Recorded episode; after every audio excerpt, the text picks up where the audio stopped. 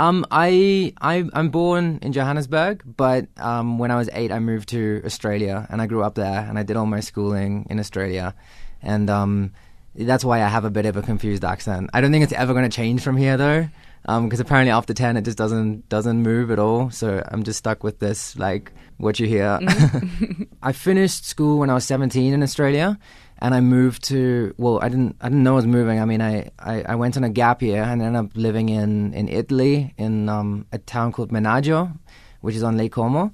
And then when I came back uh, via South Africa to visit my family, my parents in that stage had like just moved from Australia, and I was enrolled to study in Australia. And they basically said to me, "Do you want to um, stick around here, or do you want to go back and study in Australia?"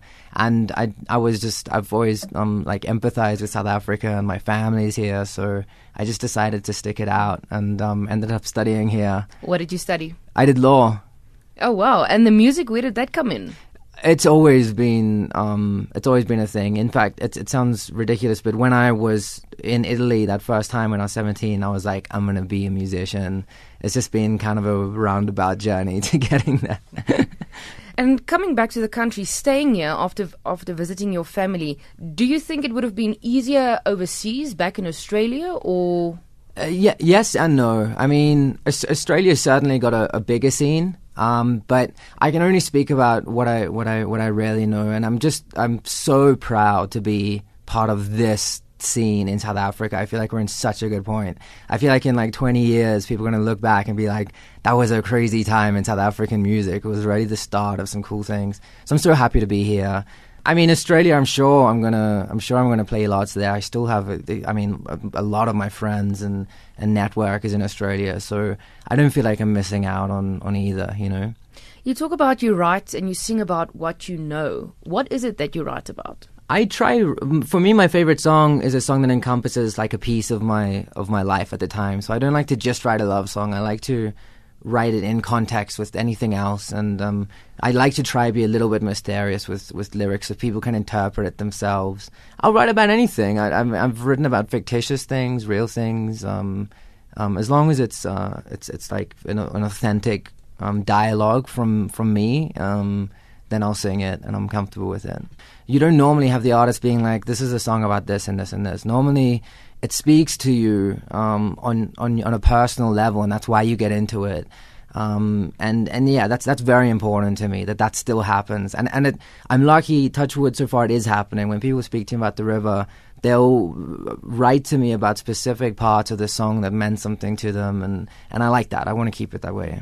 You just mentioned your song, "The River." I'm sitting here with the the CD in front of me. Tell me about this song. It's it's quite a slower song compared to my other stuff, but we were confident to release this first just because I think it it a, it gives a good indication of, of who I am and, and what I sound like and um, like like my lyrics. It's just a good like identity song, you know. Josh, you're sitting with your guitar. What are you going to play for us today? I'm going to play the river.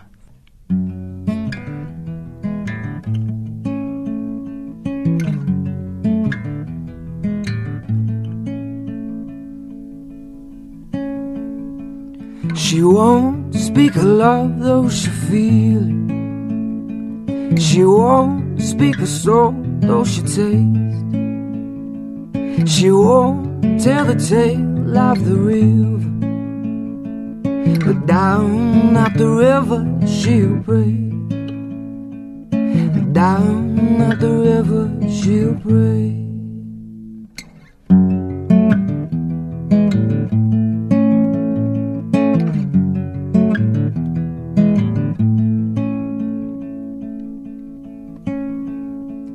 We met on the cold steps of Stockholm. A girl in a coat and a veil. I said, Would you be mine to marry? Girl, you'll be a woman someday. Girl, you'll be a woman someday. Oh my, savor your stories. I know you're All my silver and rich just to start again.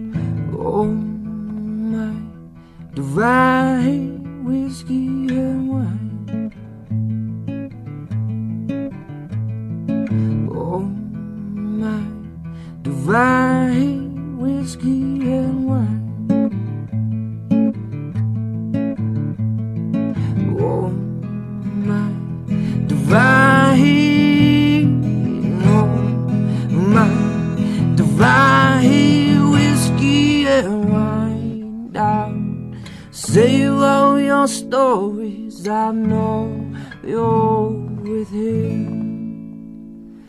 I hold my silver and riches to start again.